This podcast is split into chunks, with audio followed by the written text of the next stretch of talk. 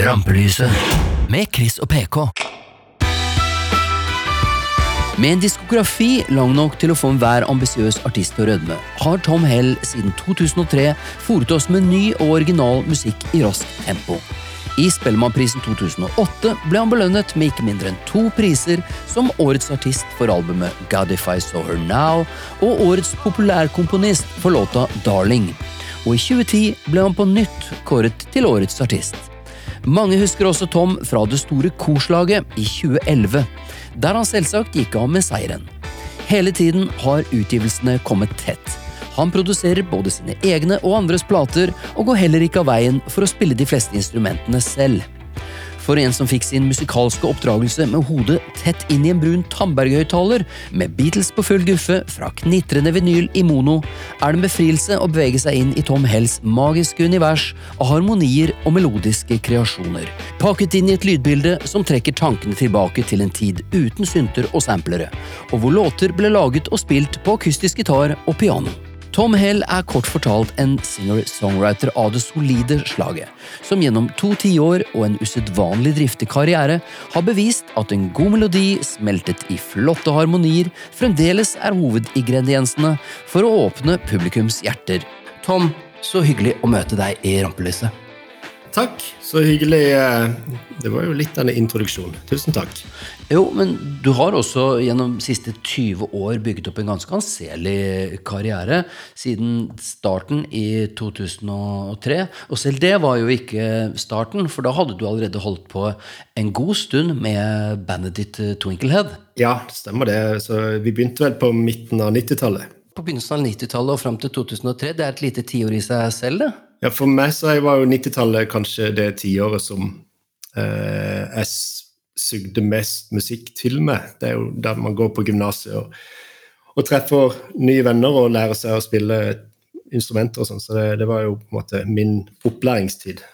Hva spilte du i bandet? Jeg spilte gitar og, og kora og sang. Jeg, jeg lærte meg på en måte å spille gitar etter å plukke Jeg tror det var Let Love Rule med Lenny Kravitz. Alle låtene går i barrégrep, så, så, det var utrolig sånn greit å, å, plukke de låtene.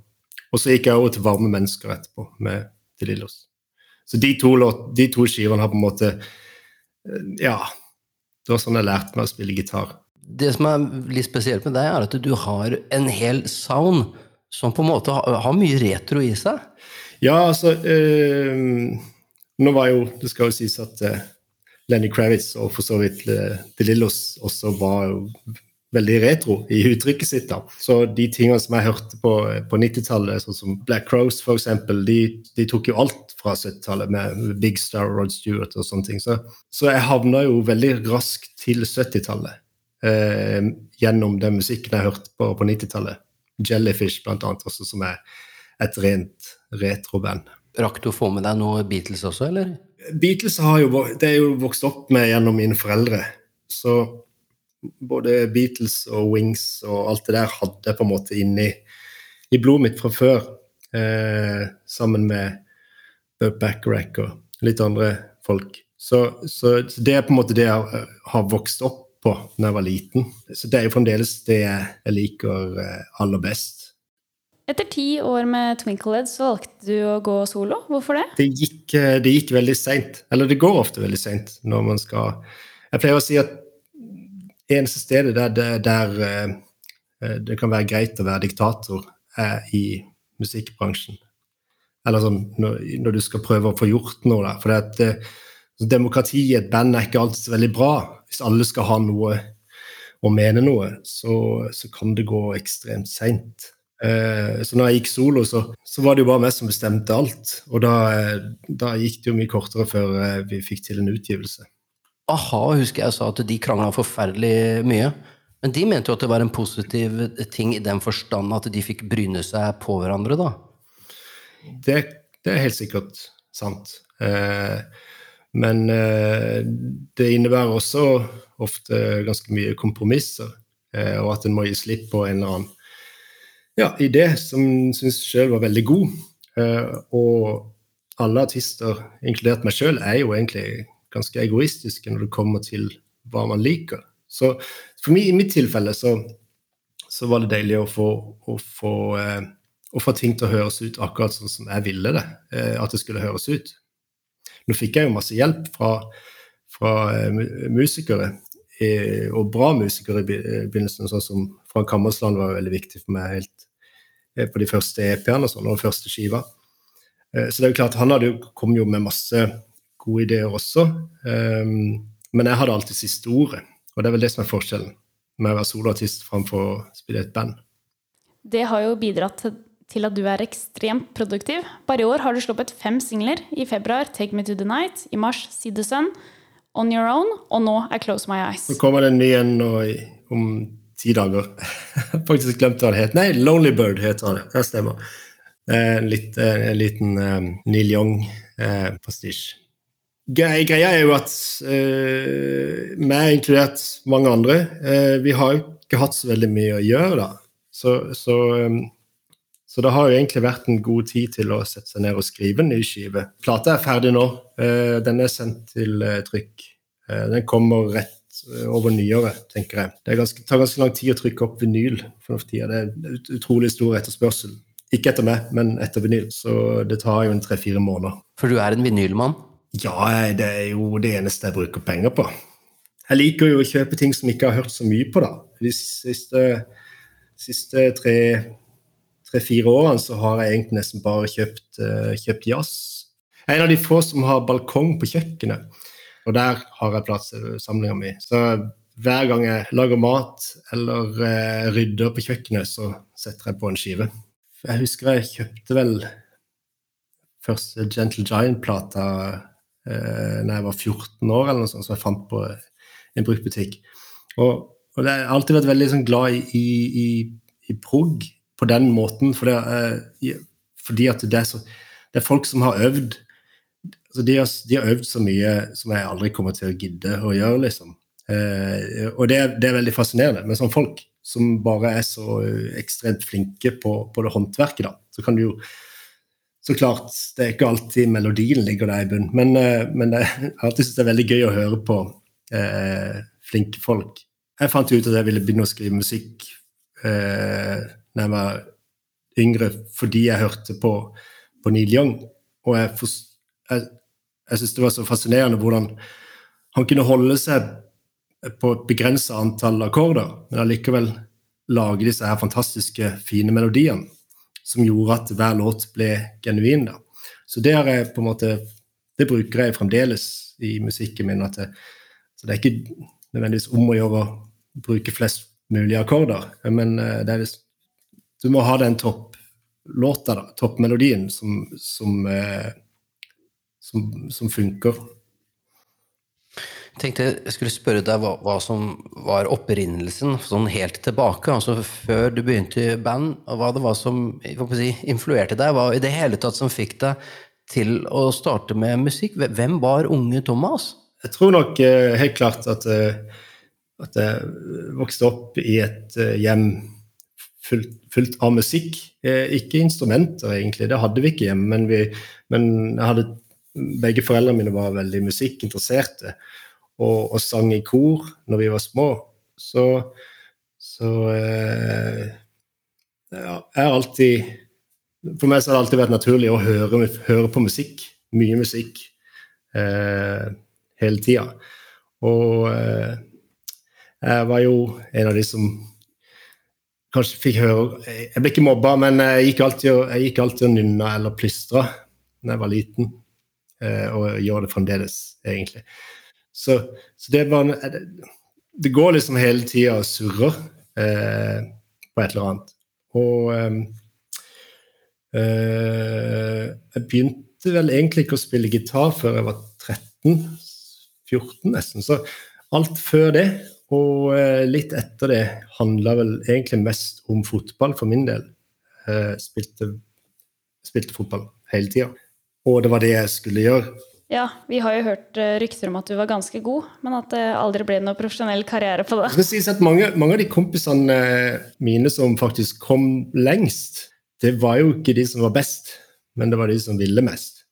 Så, eh, men det var på den tida jeg begynte med musikk, og, og, og det, det, ble bare en sånn fin overgang, egentlig. Når jeg begynte på gymnaset, så, så tok musikken mer over. Jeg var med i en musikal, husker jeg, første året, som jeg gjorde en sånn John Lennon-låt. Eh, og du vet, når, når, det var ikke så mange som sang på den tida, eh, så plutselig så ble jeg ganske sånn attraktiv å ha med i band, fordi at jeg kunne synge og spille gitar. Du tok jo en tur i militæret og fikk sanitetsutdanning, har vi lest oss opp på. Og ja. mm. det var sånn det føltes, ja? Nei, jeg syns, militæret var kjempegøy, faktisk. Jeg var veldig um, skeptisk uh, til å begynne med. De fleste prøver seg i hvert fall én gang på en eller annen sånn psykisk greie, da, sånn at du blir sendt hjem igjen. Men jeg, jeg var ikke overbevisende nok, så jeg, jeg ble værende. Jeg, jeg syns det var helt topp. Jeg har lært meg masse. Var det etter det du skulle bli akuttsykepleier? For du studerte jo i Aalborg. Ja, Ølborg, som man pleier å si. Det var ikke så mye studium, det var mest festing der, ja. Jeg bodde jo eh, helt nederst i Jomfru Ane. Så jeg hadde sånn utsikt til selve eh, Jomfru Ane og så hadde jeg en pizzeria under meg og en klubb ved siden av soverommet mitt, eh, som dunka fram til klokka fem hver natt. Jeg tenker at du da må ha tenkt at eh, jeg, jeg må, eller kanskje hadde foreldre som hadde tenkt at gutten må få seg en utdannelse og en jobb og noe han kan leve av, for dette her musikkgreiene, det kan du jo ikke Nei. Nei, det er jo klart. Og, og eh, det er jo akkurat det en tenker. Hadde jeg hatt anlegg for å studere og være bra student, så hadde jeg ikke hatt noen ting imot å ha en utdannelse i, eh, i bunnen, liksom. Men eh, det hadde jeg ikke sjans til å klare på den sykepleierutdannelsen. Så jeg, jeg hoppa av etter et år.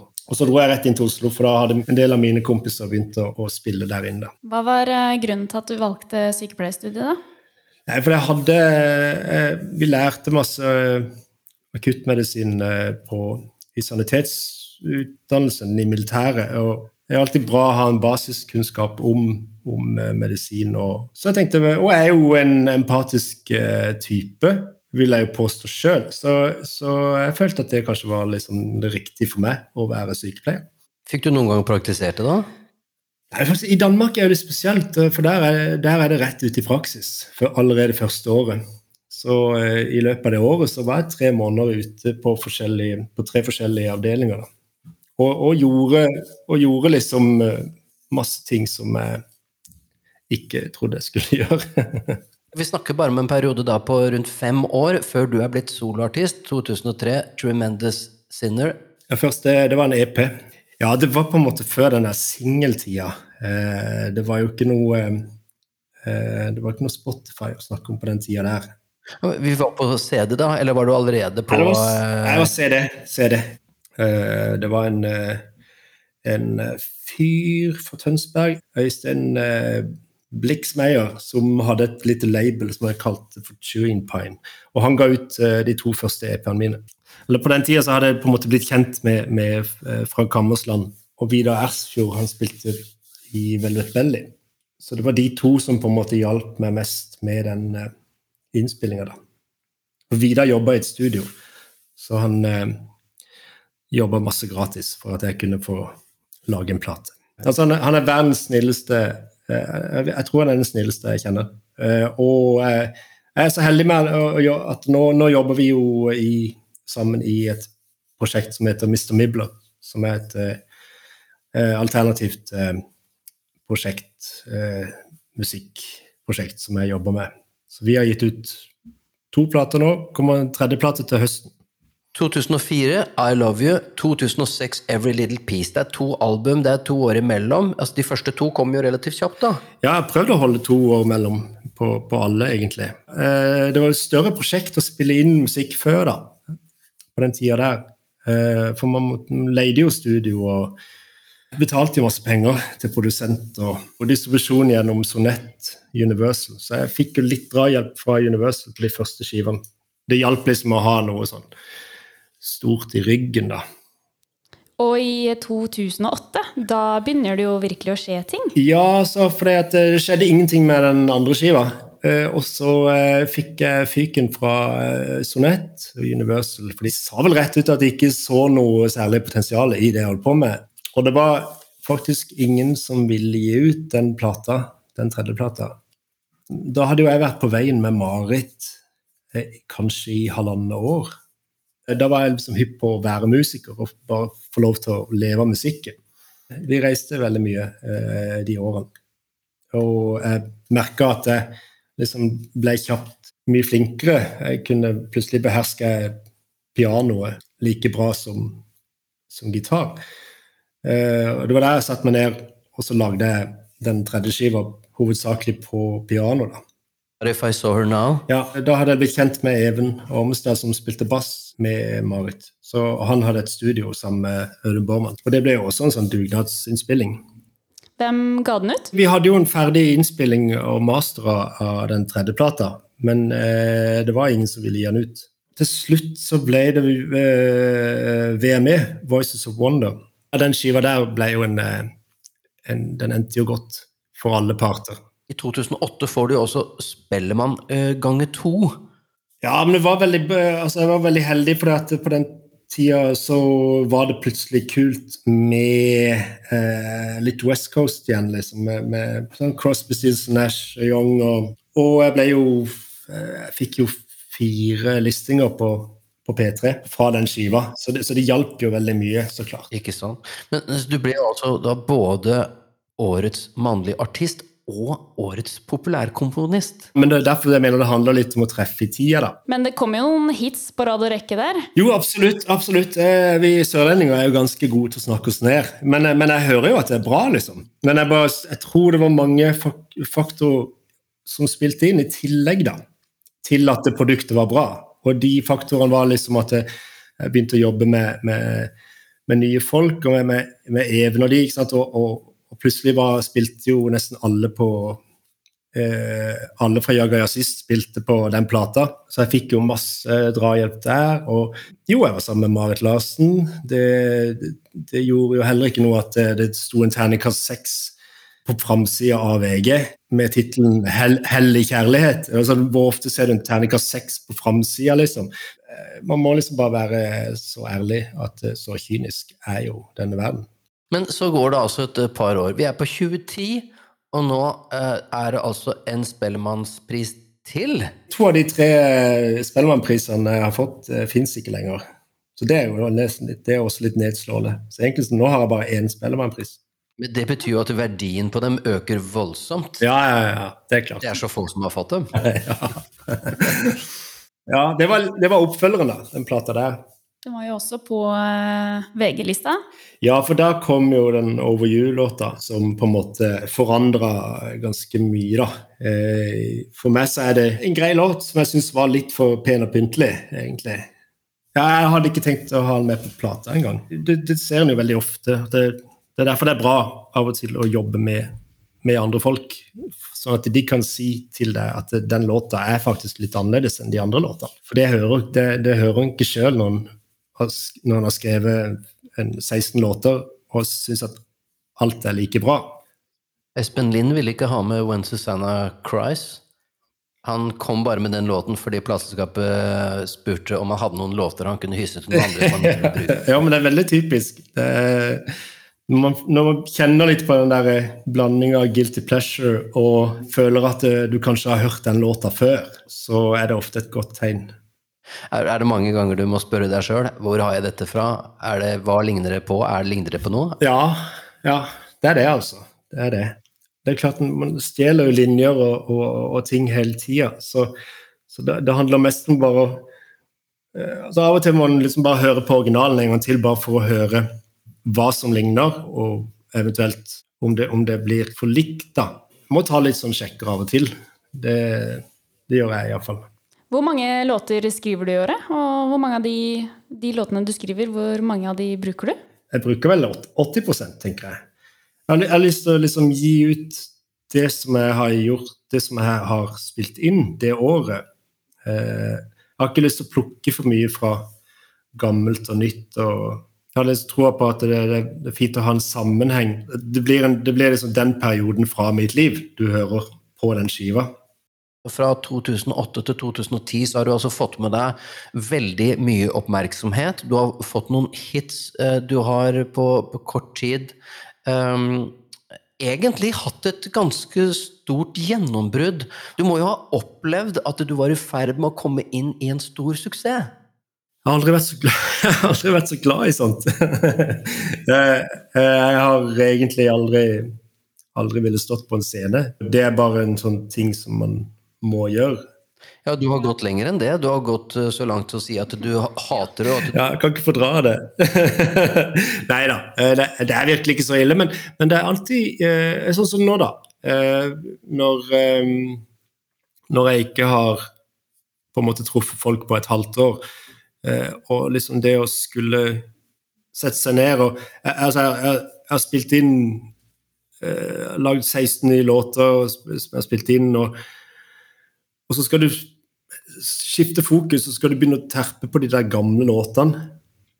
Og så skal du ut og spille med et band, og så det, det ligger litt sånn nervøsitet der. og, og um, nei, det, er ikke, det, er ikke, det, er ikke, noe jeg ser, i utgangspunktet ser fram til.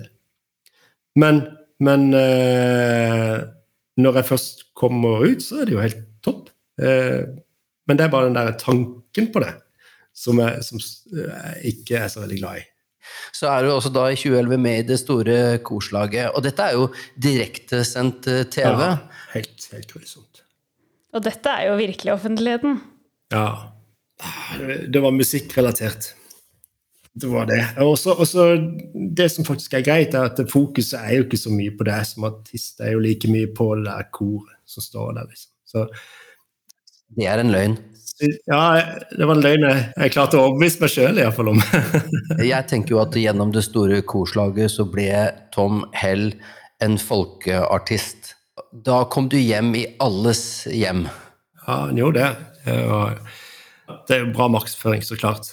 Men problemet var at eh, da ligger det liksom i kortene at du skal liksom ut og skal du spille, skal du reise rundt og spille med koret ditt. liksom. Det, det var jo ikke jeg interessert i i det hele tatt. Jeg syns det var en gøy ting å være med på. Men igjen, det var ikke noe jeg hadde lyst til å melke videre. Men du kan fortelle oss litt om hvordan det var å være med, for sånne store produksjoner er alltid store opplevelser, enten du håper jeg, liker det eller ikke? Ja, det var kjempegøy, faktisk. Eh, og du får jo faktisk mulighet til å sette litt preg på, på låtene også, som koret fremfører. Og så er det opp til hvert kor å, å ta tak i det arrangementet som ligger der.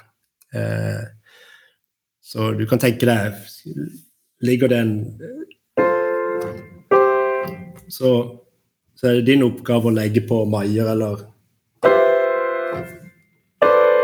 Og så legge de. Og gjøre det sånn som Ja, i mitt tilfelle da, så var det min oppgave å prøve å få det mer Beach Boys eller et eller annet.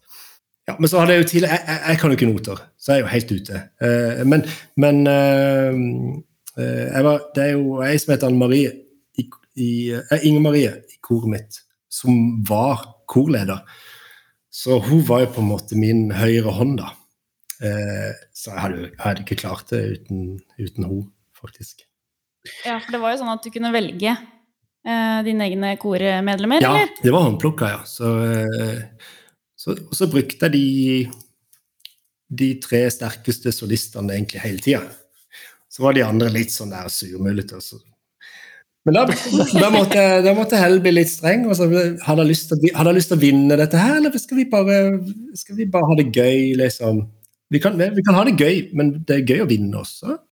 På en måte, selvfølgelig at eh, det var du som eh, vant. For når jeg hører på musikken din, så er den så spekka med flotte harmonier og korstemmer. Du bruker sang for alt det er verdt, så det må jo ha vært en, en naturlig og morsom oppgave for deg å gå inn og gjøre om låter til korversjoner? Ja, ja, ja. Kjempegøy. Det er veldig, veldig slitsomt eh, når det står på, liksom. Det, det, det holdt jo på i over tre måneder, så det er ganske sånn intenst. Eh, men eh, absolutt eh, Jeg var glad for at jeg var med på det. Altså. Fikk masse gode, hyggelige bekjentskaper både fra eh, koret og koret mitt, men også de andre da, andre artistene som var med, og, og ikke minst eh, produksjonen. Han eh, Munn og gjengen, vet du. Det er jo, det er jo gull. Det er jo så koselig, alle sammen. Ja. De holder på ennå. Ja, ja. Jeg tenker vi kan hoppe til eh, 2013, ja. For det var jo et eh, ganske fint år for deg, vil jeg tro, Tom. Du tenker på familie, du. Jeg tenker på familie, jeg. Jeg fikk barn da, ja. Du gjorde det. Mm. Du husker ikke det, altså? Han sitter ute i stua her nå og ser på iPad. Um, ja, når jeg tenker på det nå, så var det ikke så pes å få en unge, egentlig. Ehm, så lenge det bare er én, så er det ganske greit, altså. Men det er jo sånn en kan tenke på i etterkant. Det var jo selvfølgelig, Når du står midt oppi det, så er det jo en traumatisk opplevelse å plutselig få et nytt menneske som du skal passe på resten av livet. Når han var liten. så, så han var veldig spør, Han har bare vært, han har vært med, liksom. Vi, vi hadde, han, hadde han med på festivaler og var ute og reiste. og Det var egentlig um, Det var det bare helt, helt naturlig. Kjempehyggelig. Hvor mye turnerer du, og hvor mye tid bruker du i studio i løpet av året? Jeg har spilt det ganske mye i fjor, altså. Um, det blir jo sikkert Og i fjor var jo ikke året som liksom var det store Nei, jeg vet, live-året. men det var, det var derfor uh, Det var ingen som var spilte, så da, da var jeg ute hele tida. Uh, det var stort sett bare meg og Morten Abel som var ute og spilte på den tida. Så jeg spilte vel Jeg spilte iallfall over 40 jobber i høst, bare, altså i fjor høst. Så eh, hele fra meg i sommer og ut høsten det, det er jo sikkert 40, over 40 jobber i vår som har blitt forskjøvet til i høst. Så jeg, jeg kommer ikke til å være så mye hjemme um, utover året nå, tenker jeg. Men vanligvis så sitter jeg jo jeg sitter jo alltid og jobber en, en time eller fem eh, hver dag. Jeg er jo i studio, vet. Det er jo det jeg liker å Jeg har jo ikke studio. Jeg har jo ikke det engang. Jeg har jo bare et lydkort. Sitter bare her. Folk skulle ikke visst hvor eh, eh, skrøpelige arbeidsforhold jeg har. Nei, jeg skulle, nei, jeg, vet, jeg skulle gjerne ha et lydisolert rom, og det har jeg heller ikke. Så eh, det kan være jævlig irriterende av og til eh, at jeg holder på med et eller annet, og så står det en søppelbil utenfor og durer. Det føles litt uproft. Samtidig så, så er det litt deilig, for da blir det ikke så seriøst. Eh, du får klare liksom å beholde den der bare at du, du, du leker, og eh, det, er ikke så nøye, liksom. Og eh, på den siste plata nå, som jeg har spilt inn, så har jeg jo jobba sånn ekstremt kjapt. Da har tanken liksom vært få en idé, lage låta sånn skal den være, bruke kanskje fem til ti minutter på det, spille inn, hive på en tekst, og, og, og bare arre Så de fleste låtene har jeg alt er spilt inn. Én låt er spilt inn på én dag, fra jeg kom på ideen til den er ferdig. Og så kan jeg sitte en uke og mikse og, og komme på eventuelle ting som låta trenger eller ikke trenger.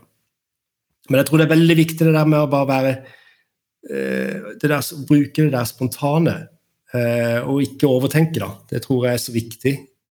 Det var, er et par ting på lista i 2015 som eh, Tom har eh, gjort. Og det er jo først og fremst eh, nok en TV-opptreden, og det er eh, Hver gang vi møtes. Åh, ja. ja. Det var stress, altså. Du har jo kamera i trynet fra syv om morgenen til tolv på natta. Det har vi hatt eh, god glede av. Jeg har sett hver eneste episode av hele serien igjennom. Men det var veldig moro å se deg der også. eh, Ikke minst fordi at du fikk vise musikaliteten din gjennom nettopp å gjøre versjoner av andres eh, musikk. Men hvordan var det for deg? Jeg synes det var kjempegøy. Eh, sånn i etterkant så skulle nok Jeg ser jo at jeg kunne jo gjort en mye eh, bedre profil både musikalsk og som et menneske. Men for meg så var det så viktig jeg var, jeg var litt sånn at jeg tviholdt på mine ideer. da, Igjen. Jeg ville at det skulle være Jeg arrangerte jo på en måte mine ting. Men jeg skjønte jo fort at det, det var jo veldig mange andre som ikke gjorde det. Eh, At eh, altså de, Mange av de andre fikk jo bandet til å produsere for seg.